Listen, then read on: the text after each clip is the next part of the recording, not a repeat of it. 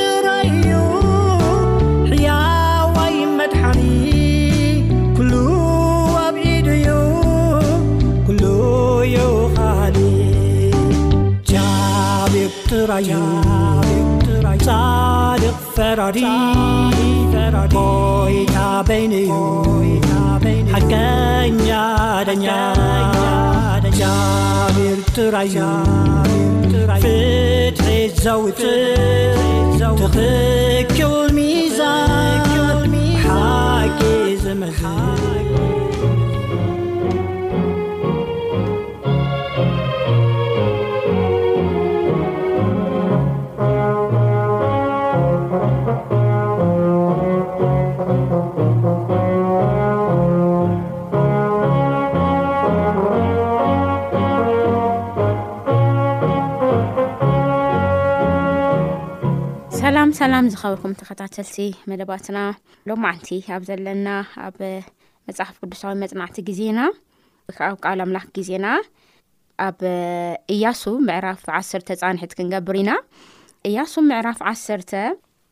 እግዚኣብሔር ቃል ሰብ ዝሰምዐሉ መዓልቲ ይብል እቲ ዋና ሓሳብና ዝገርመኩም እቶም ሰብ ግባዖን ክንርኦም ከለና ኣታሊሎም ሕና ካብ ርሑቅ ኢና መፂኖም ድሕሪኡ ግን ናብ ኣፅረይትን ዕንጨይቲ ቆረጽትን ኮይኖም ኣብ እንዳ እግዚኣብሄር ምግልጋል ከም ዝጀመሩ ብድሕሪኡ ከዓ እግዚኣብሄር ከምቲ ህዝቢ ከም ዝቆፀሮም ናታኒም ዝብል ናይ ህዝቢ ክፍሊ ካብኦም ከም ዝተረኸበ ዳሕራይ ኣብ ናሄምያ ኣብ እዝራ መፅሓፍ ንረኽቦም ማለት እዩ ኣብ ነገስቲ መፅሓፍ እውን ንረኽቦም ኢና እዚ ኢና ርኢና ነርና እና እግዚኣብሄር ብዝተፈላለየ መንገዲ ናብኡ ክንመፅእ ንኽእል ኢልና ግን ምስኡ መፂእና ክንፀንሕ እንተደሊና ኣብቲ ፃንሒትና ከም ዝባረከና ሸዊትካ ኒኻ ኣታሊልካ ኒኻ ዝብል ኣምላኽ ከም ዘይኮነ ሓሳባት ክንርኢ ከም ፀንሓና ይዝከር እዩ ሎሚ ኣብ ምዕራፍ ዓሰርተ እግዚኣብሄር ድምጺ ሰብ ወይ ከኣ ቃል ሰብ ዝሰምዐሉ መዓልቲ ዝብል ሃሳብ ባህባር ክንርኢ ኢና ከምቲ ዘለመናዩ ምናልባት ገለገሌና መጽሓፍ ቅዱስ ኣውኢድና ከሄሉ ይኽእሉ እዩ እሞ እቲ ሓሳብ መጀመርያ ሙሉእ ምዕራፍ ነንብብ ካብኡ ካ እግዚኣብሄር ካብቲ ምዕራፍ ደምህረና ነገር ባህባር ክንርኢ ኢና ማለት እዩ ቅድሚ ኩሉ ግን ጸሎት ጌርና ነዚ መደብ እዚ ክንጅምር ኢና ንጸሊ እግዚኣብሔር ኣምላኽ ኣማልክቲ ጎይታ ጎይቶት ነጉስ ነገስቲ ዝኾንካ ኣምላኽና ሎሚ እውን ብዘይተፈለየ ፍቕርኻ ምሳና ስለ ዘለኻ ጸጋ ናትካ ምሳና ክነብር ስለ ዝፈቐድካ ሕና ኸዓ ካብ ዝጸጋ እዚ ዝተላዕለ ቅድሜኻ ገጽካ ክንርኢ መመዓልቲ ስለ ዝፈቐድካልና ነመስግነካ እግዚኣብሔር ጎይታ ሰራዊት ሕጂ ቃልካ ክንገልጽ ኢና እቲ ቃል ከዓ ነቲ ሓቂ ክትፈልጥዎ ኢኹም፣ ሓቂ ኸኣ ሓራ ከውጸኣኩም ኢልካና እኻ እሞ፣ እግዝኣብሄር ኣምላኽ ሓራ ዘውጸኣና ካብ ሓጢኣት መንገድና ዝምልሰና፣ ተመሊስና ኸኣ እሰኻ ካብ ሰማይ ካብ ኣርያም ክትግለጽ ከለኻ ኸኣ ኣብ ቅድሜኻ እቲ ዝረዳእኻና ዝሓገዝካና መንፈስካሲ ደው ዘብልና ክኸውን ንልምነካ ኣለና፣ ሰማዕቲ ኣብ ዘሎ ቦታ ኩሉ መንፈስ ቅዱስ ኣቢርዎም ክኸውን ንልምነካ ኣለና። እግዚኣብሔር ጎይታ ሰራዊት ኣብ ዝተፈላለየ ጸገም ውሽጢ ኮይኖም ኣብ ዝተፈላለየ ሕቶታት ውሽጢ ኮይኖም ሎሚ ነዚ ቃል ዝሰምዑ ደቅኻ ብወድኻ ብኢየሱስ ክርስቶስን ብቃልካ ኣቢልካ ክትጸናንዕ ንልምነካ ኣለና ጸገምና ጸገምካ ጉዳይና ጉዳይካ ዝኾንካና ኣምላኽ ንኣኻ ጥራይ ስለ ዝሃዝና እቲ ዝመጽእ ብድሆ ኩሉ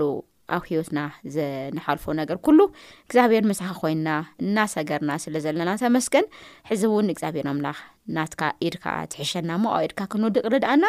ተመስገን ስለ ኩሉ ነገር ብሽም ወድኻ ብኢየሱስ ክርስቶስ ኣሜን ሕራይ ክቡራት ሰማዕቲ እያሱ ምዕራፍ ዓሰርተ ብሓባር ነንብብ ኰነ ኸኣ፣ ኣዶኒ ዜደቅ ንጉስ የሩሳሌም፣ እያሱ ንዓይ ከም ዝሓዘን ፈጺሙ ኸም ዘጥፍኣን፣ ከምቲ ንየርኮን ንንጉሳን ዝገበሮ፣ ከምኡ ድማ ንዓይን ንንጉሳን ከም ዝገበረ፣ እቶም ኣብ ጊብዖን ዚነብሩ እውን ምስ እስራኤል ከም እተዓረቑን ኣብ ማእከሎም ከኣ ከም ዝነብሩን ምስ ሰምዐ፣ ጊብዖንሲ ከም ሓንቲ ኻብተን ከተማታት ነገስታት ዓባይ ከተማ ስለ ዝነበረት፣ እረ ካብ ዓይ እኳ ትዓቢ ነበረት። ኩሎም ሳባውያን ጀጋኑ ነበሩ እሞ ኣዝዮም ፈርሁ። ስለዚ ኣዶኒ ዘደቅ ንጉስ የሩሳሌም ናብ ሆሃም ንጉስ ከብሮንን ናብ ጴርኣም ንጉስ ያርሙትን ናብ ያፋዓ ንጉስ ላክሽን ናብ ደብር ንጉስ ኤግሎንን ልኢኹ ጊብዖን ምስ እያሱን ምስ ደቂ እስራኤልን ተዓሪቓ እያ እሞ፣ ክንወግኣ ናባይ ደይብኩም ሓግዙኒ በሎም። ሽዑ ሓሙሽቲኦም ነገስታት ኣሞራውያን፣ ንጉስ የሩሳሌም፣ ንጉስ ኬብሮን፣ ንጉስ ያርሞት፣ ንጉስ ላኪሽ፣ ንጉስ ዔግሎንን ንሳቶም ኵሎም ሰራዊቶምን ተኣኪቦም ደየቡ፣ ኣብ መንጽር ጊብዖን ድማ ሰፈሩ። ተዋግእዋ ከኣ። ፍዖን ድማ ናብ እያሱ ኣብቲ ሰፈር ኣብ ግልገል ልኢኾም፣ እቶም ኣብ ከረን ዝነብሩ ነገስታት ኣሞራውያን ኵሎም ናባና ተኣኪቦም እዮም እሞ፣ ኢድካ ካብ ባሮትካ ኣይተድክም፣ ቀልጢፍካ ናባና ደይብ፣ ኣድሕነና ርድኣናን፣ በልዎ። ሽዑ እያሱ ንሱን ብዘሎ እቲ ተዋግኢ ህዝብን ኵሎም ሓያላት ጀጋኑ ከኣ ምስኡ ካብ ግልጋል ደየቡ። እግዚኣብሔር ድማ ንእያሱ ንኣታቶም ኣብ ኢድካ ሂበካ እየ ካባታቶም ሓደ ሰብ እኳ ቅድሜኻ ኣይክቐውምን እዩ እሞ ኣይትፍራዮም በሎ እያሱ ከዓ ካብ ግልገል ሙሉእ ለይቲ ገስጊሱ ብድንገት ሓደጋ ወደቖም እግዚኣብሔር ድማ ኣብ ቅድሚ እስራኤል ኣሸበሮም ኣብ ግብኦን ከዓ ብዓብዪ መውቃእቲ ወቅዖም ብመንገዲ ኣቐበት ቤት ሓሮን ሰጎጎም ክሳዕ ዓዜቃን ክሳዕ መቃዳን ከኣ ወቕኦም። ኾነ ኸኣ ካብ እስራኤል ሃዲሞም ኣብቲ መውረዲ ቤት ሓሮን ከለው ክሳዕ ዓቃዝ ዝበጽሑ እግዚኣብሔር ካብ ሰማይ ዓበይቲ ኣእማን ኣውደቐሎም ሞቱ ኸኣ። ካብቶም ደቂ እስራኤል ብሰይፊ ዝቐተልዎም እቶም ብኣማን በረድ ዝሞቱ ይበዝሑ ነበሩ። ሽኡ በታ እግዚኣብሔር ንኣሞራውያን ኣብ ቅድሚ ደቂ እስራኤል ኣሕልፉ ዝሃበላ መዓልቲ እያሱ ንእግዚኣብሔር ተዛረቦ፣ ኣብ ቅድሚ ደቂ እስራኤል ድማ በለ ኣቲ ፀሓይ ኣብ ግብኦን ደው ኢልኪ ፅንሒ ኣቲ ወርሑ እውን ኣብ ለስ ኣያሎን ሽዑ እቲ ህዝቢ ንፀላዕቱ ሕነ ክሳዕ ዝፈዲ ፀሓይ ቆመት ወርሑ እውን ደው በለት እዝስ ኣብ መፅሓፍ ያሻር ዶክ ተፃሒፉ ኣይኮነን እታ ፀሓይ ኣብ ማእኸል ሰማይ ኣስታት ሙሉእ መዓልቲ ቆመት ንምእራብ ከዓ ኣይቀልጠፈትን እግዚኣብሔር ንእስራኤል ተዋጊኡሎም እዩ እሞ እግዚኣብሔር ደሃይ ሰብ ብምስማዕ ከምታ መዓልቲ እቲኣ ዝበለት ቅድሚኣ ኮነ ድሕርት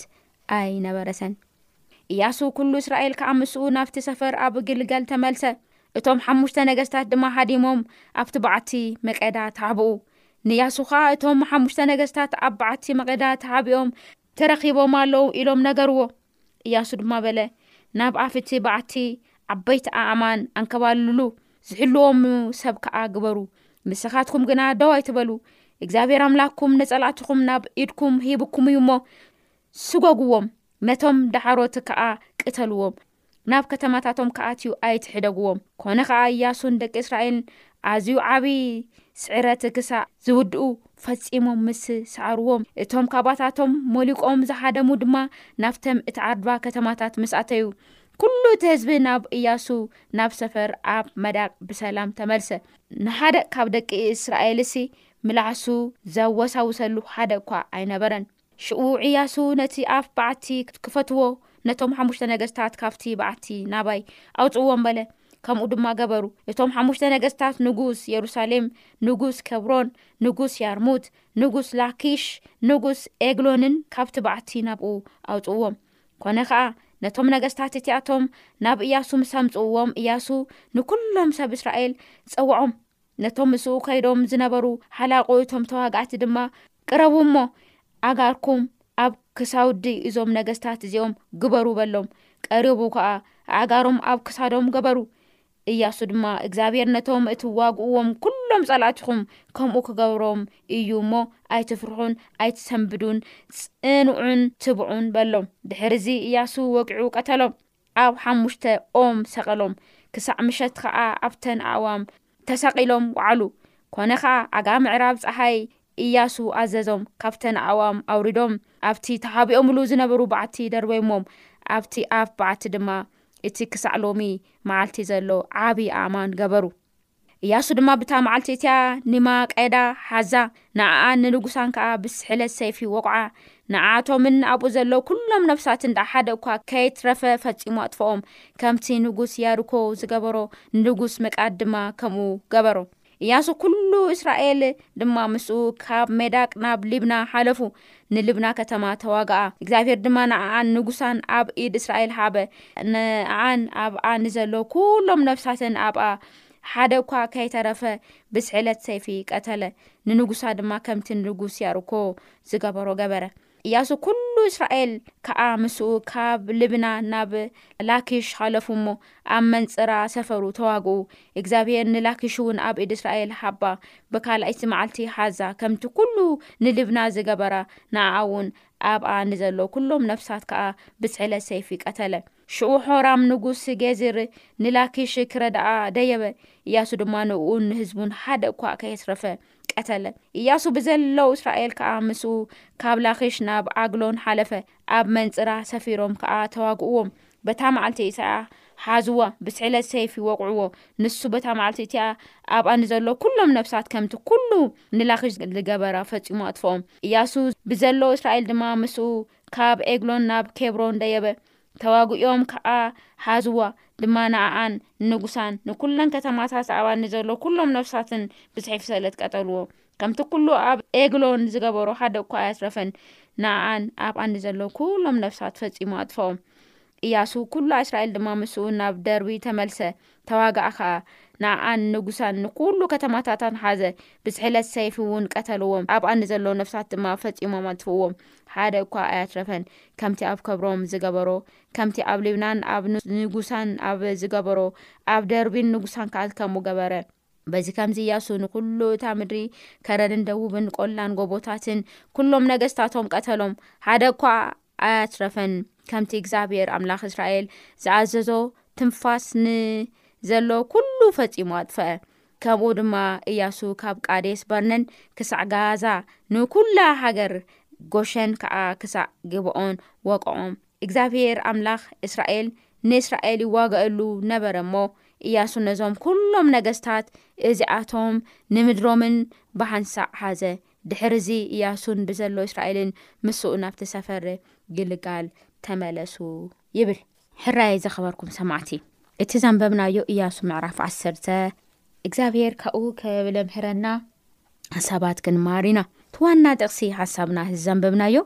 ኣብ እያሱ ምዕራፍ ዓሰርተ ፍቕዲ ኣርብዓን ክልተን ዝርከብ ሓሳብ እዩ። ከምዚ ይብል እግዚኣብሔር ኣምላኽ እስራኤል ንእስራኤል ይዋጋእሉ ነበረ እሞ እያሱ ነዞም ኩሎም ነገስታት እዚኣቶምን ንምድሮምን ብሓንሳእ ሓዘ ይብለና ሓዘ ይብለና ማለት እዩ እሞ እግዚኣብሄር ዝተዋግዐሉ እግዚኣብሄር ዝማወገሰሉ እግዚኣብሄር እቲ ኩናቱ ዝመርሓሉ ህዝቢ ምስጉን እዩ እስራኤል ብከምዚ እግዚኣብሄር ይመርሖም ነይሩ ሎሚ እውን ከም እስራኤል ንኡ ንዝኣመኑ ንኡ ንዝተደገፉ ንኡ ርደአና ንዝበሉ እግዚኣብሄር ካብ ሰይፊ ካብ ፈራ ካብ ጥሜት ካብ ሽግር እግዚኣብሔር ኣምላክ ካብቲ ዝተኣከቡ ሰራዊትን ካብቲ ዝተኣከበ ጎግማንጉግን ዘድሕን ኣምላክ ከም ዝኮነ ኢና ንርኢ ኣብዚ ቦታ እዚ እቲ ካብ ዘሎ ሓሳብ ሓደ ሰለስተ ነገራት ክንማሃር ኢና ናይ መጀመርያ ሓሳብ እግዚኣብሔር ንህዝቡ የተባብዕ የተባብዕ እቶም ናይ ሰብ ግባዖን ምስ ህዝቢ ምስቲ ቃል ኪዳን እግዚኣብሔር ላኣተየሉ ህዝቢ ክኾኑ ምስ መረፁ ከቢድ ጦርነት ገጢምዎም ስለዚ ኣብ ደቂ እግዚኣብሔር ንእግዚኣብሔር ክንመርፅ ከለና ኪዳን እግዚኣብሔር ክንቅበል ከለና፣ መንገዱ ክንመርጽ ከለና፣ ምስኡ ክንከውን ኢልና ክንደሊ ከለና ልክዕ ከምዞም ሰብ ጊባኦን ዲያብሎስ ኣባና ኩናት ይእውጅ። ሰብ ምስ እግዚኣብሔር ክዕረቕ ከሎ፣ ሰብ ምስ ሓሳባቱ ገዲፉ ምስ እግዚኣብሔር ሓሳብ ክኸውን ጎይታይ መድሓንየይ ክርስቶስ የሱስ ንዓይ ዝሞትካለይ ናይ ህይወት መንገደይ ኣነስ ካብ ሎምዓንቲ ጀሚረ ንኣኻ ክክትለካ ንኣኻ ክስዕበካ ካብ ሎሚ ጀሚረ መንገድኻ ክኸይድ መጽየ ናባኻ ኢሉ ሓደ ሰብ ናብ እግዚኣብሔር ክመርጽ ከሎ ዲያብሎስ እዚ ኩናት እዚ ከም ዝኸፍት ኢና ንርኢ ካብኡ ዝተላዕለ ከዓ ናቱ ቁጣዕ ግብርታቱ ንቕበል ኢና ማለት እዩ ኮይኑ ግን ሰብ ጌባዖን እንታይ ገይሮም ከምቲ መጽሓፍ ዘንብብናዮ ናብ እያሱ መልእክቲ ልኢኾሞ ዶ እዚኦምስ ክወግኡና መፅኦም ኣሕናስ ሰብ እግዚኣብሔር ምዃንኩም ፈሊጥና ምሳኹም ታሪቕና ኢና ስለዚ ንዑ ሓግዙና ኢሎም ናብ እያሱ መልእክቲ ክልእኹ ከሎ ኢና ንርኢ ንምንታይ ሲ እቲ ምስ እስራኤል ዘሎ ኣምላክ ምስቲ ሰይጣን ካብ ዘለዎ ሓይሊ ይበልፅ ከም ዝኾነ ተረድእዎም እዩ እቲ ምሳና ዘሎ ኣምላክ ሲ እቲ ንመረፅናዮ እቲ ኣታልናዋላ ናብዚ ኪዳን ንዝለኣተናዮ ህዝቢ ሲ ኣብ መንጎኡ እግዚኣብሔር ኣሎ እዚ እግዚኣብሔር እዚ ከዓ ካብዚ ካብ ዝገጠመና ጸላኢ ዝበልጽ እዮም ኢሎም ኣሚኖም ንእዩ ናብ እያሱ ከም ዝለኣኹ ኢና ንርኢ። ብድሕሪኡ እግዚኣብሔር ንእያሱ እንታይ ይብል ኣብ ቁጽሪ ሸሞንተ እንታይ ይብሎ እግዚኣብሔር ድማ ንእያሱ ናታቶም ኣብ ኢድካ ሂበካ እየ እሞ ካብኣታቶም ሓደ ሰብ እኳ ኣብ ቅድሜካ ኣይክቆምን እዩ እሞ ኣይትፍርሃዮም በለ ይብል። ሰብ ጊባኦን ትክክለኛ ምርጫ እዮም ገይሩ ዋላ መንገዶም ብትክክል ተዘይኮነ እግዚኣብሔር ኣምላኽና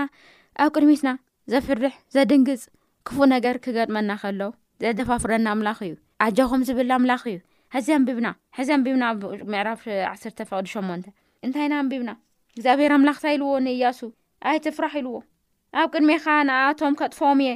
ስለዚ ኣይተፍርሓዮም ኢሉ ከም ዝሰደዶ ኢና ንርኢ ስለዚ እግዚኣብሔር ክንፈርሕ ከለና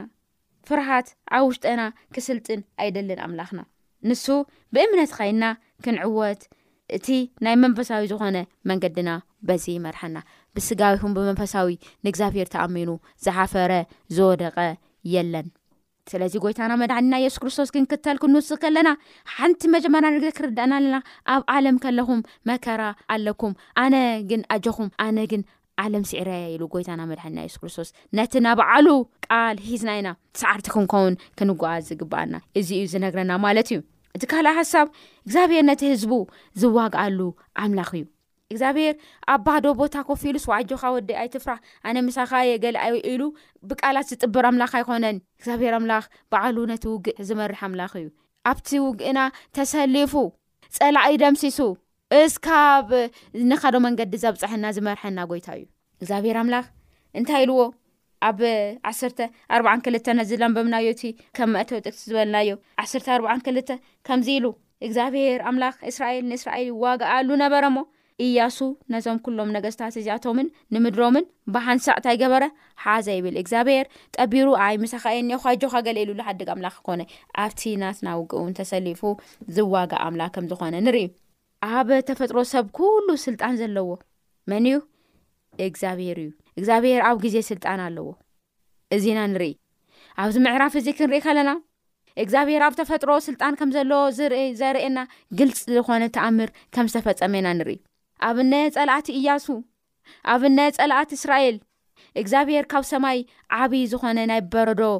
እምኒ እናንከባለለ ክወቅዖም ከሎ ኢና ንርኢ እንዳውም እንታይ ይብል ካብቲ ንሳቶም ካብ ሜዳ ካብ ዝቀተልዎም እቲ ክሙር እምኒ ካብ ሰማይ ላወረደ ዝቀተልዎም ቁጽሮም ኣዝዩ ብዙሕ ከም ዝኾነ ይነግረና ካብኡ ቀጺልና ከዓ እያሱ ከዓ ፀሓይን ወርሒን እንታይ ትብል ደው ይበላ ኢሉ ደው ይበላ ኢሉ ንዚ ነገር እስካብ ልውድእ ኢሉ ድሕሪኡ እታ ፀሓይን እታ ወርሒን ደው ኢለን ከም ዝተረፋ ቃል እግዚኣብሄር ይዛረብ። ክድንጉያ ደው ክብላ ገይርዎም ስለዚ ዘርኢ እግዚኣብሄር ብርግፅ ናይ ፍጥረት ኩሉ በዓል ዋኒን ከም ዝኾነ ብማንኛውም ዝኾነ ፍጥረት ክእዝዝ ዝኽእል ኣምላኽ ስልጣን ዘለዎ ኣምላኽ ከም ዝኾነ እዩ ካብኡ ወፃኢካ ካልእ ተወሳኺ ንርኢ ኣብ ማእኸል ፍጥረታት ኣብዚ ምዕራፍ እዚ ንሪኦ ነገር ተኣምራት ክግለፅ ከሎ ንሪኦ ፀሓይን ወርሒን ናይ ግዜ መለክዒታት እዮም ምስ ግዜ ተታሒዞም ደው ዝብሉ እዮም እና እግዚኣብሄር ኣምላኽና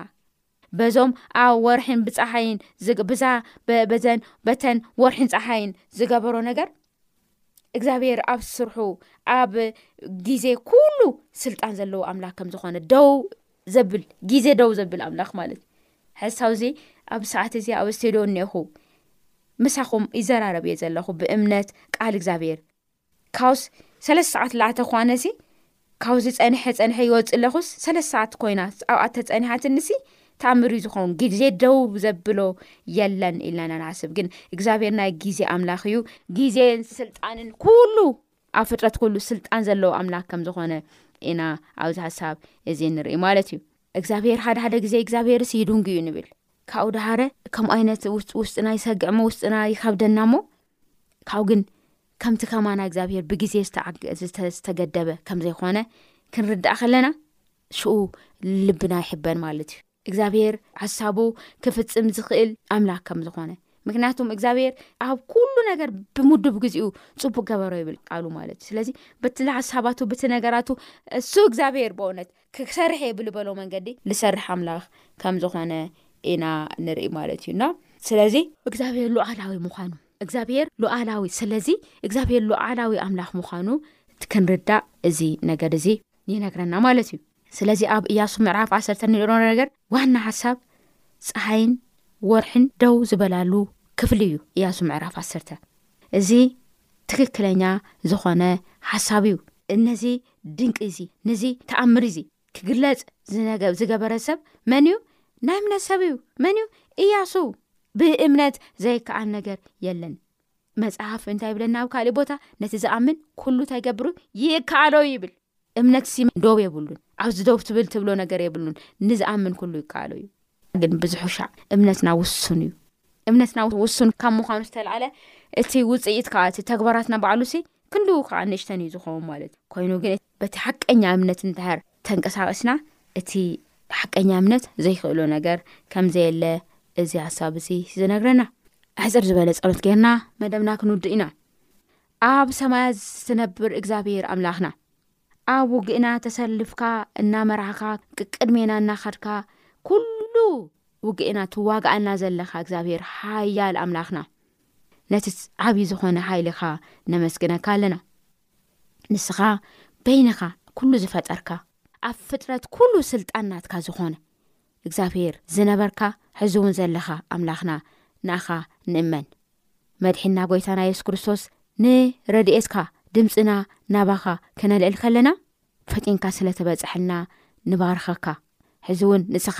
ብተመርሐና ናይ ዓወት ጎዳና ክንመላለስ ከለና ፀላእይ ብዙሕ ፈተና የምፀልና እዩ ከምኡ ግን እግዚኣብሔር ኣምላኽ ብኣኻ ክንእመን